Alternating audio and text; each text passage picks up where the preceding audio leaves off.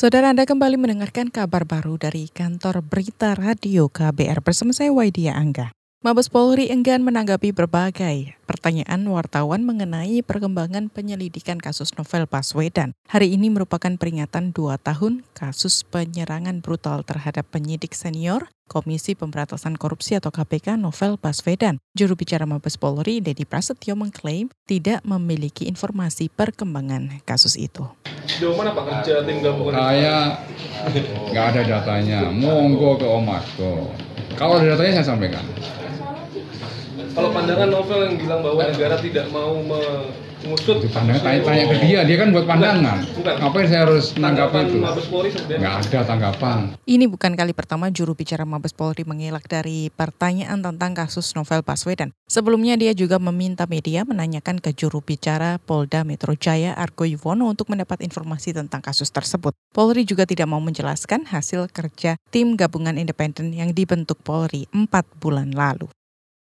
Kita ke Banyuwangi. Kementerian Koordinator Bidang Kemaritiman mulai mengkaji ulang larangan penggunaan alat tangkap cantrang oleh nelayan. Larangan itu sebelumnya dikeluarkan oleh Kementerian Kelautan dan Perikanan. Menteri Koordinator Bidang Kemaritiman RI, Luhut Binsar Panjaitan mengatakan kajian melibatkan para ahli dari Institut Teknologi Bandung atau ITB untuk meneliti dampak penggunaan alat tangkap cantrang tersebut. Penelitian ini dilakukan agar ada solusi yang baik terkait polemik penggunaan cantrang selama ini. Cantrang itu kita lihat, cantrang ini ada macam-macam. Yang kita mau cantrang itu jangan sampai yang kena ke bawah, akhirnya mengusak koral itu. Dan nanti yang jaringnya terlalu rapat sehingga nangkap semua ikan.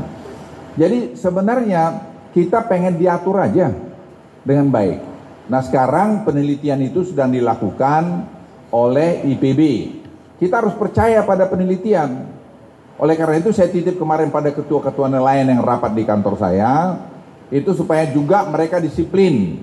Sebelumnya Menteri Kelautan dan Perikanan Susi Pujiastuti berkeras tetap melarang nelayan menggunakan cantrang untuk menangkap ikan di laut. Susi menegaskan cantrang tidak ramah lingkungan dan merusak populasi ikan. Di beberapa wilayah pesisir pantai di Jawa dalam sehari rata-rata ikan kecil yang tertangkap cantrang dan dibuang mencapai 300 ton lebih. Namun Susi masih memberikan waktu kepada nelayan untuk meninggalkan alat tangkap cantrang dan mengganti dengan alat tangkap lain yang lebih ramah lingkungan. Kita ke berita lainnya, LSM Perlindungan Buruh Migran Migrant Care bakal mengirim tim untuk memantau pelaksanaan pemilu di luar negeri. Direktur Eksekutif Migrant Care Wahyu Susilo mengatakan ada 15 orang dikirim ke tiga negara, yaitu Malaysia, Hong Kong, dan Singapura. Tiga negara itu paling banyak terdapat buruh migran asal Indonesia. Menanggapi hoax itu dan juga rencana pemantauan Malaysia, Singapura, dan Hong Kong. Kita itu 15-an. Lah. Jadi terbanyak Malaysia ya. Nah Malaysia kan potnya paling banyak. Jadi separuh DPT luar negeri itu kan ada di Malaysia gitu ya. Malaysia sekitar 9. Kan Migrant Care terdaftar sebagai pemantau resmi. Kewajiban dan tugas kami untuk melakukan pemantauan ini. Direktur Eksekutif Migrant Care Wahyu Susilo mengatakan selama ini pengawasan pemilu di luar negeri masih kurang diperhatikan. Wahyu menambahkan tim juga bertugas mengedukasi WNI agar tidak termakan hoax atau berita bohong. Pemungutan suara pemilu 2019 di luar negeri digelar lebih awal, mulai 8 April lalu. Namun penghitungan suara dilakukan serempak pada 17 April mendatang.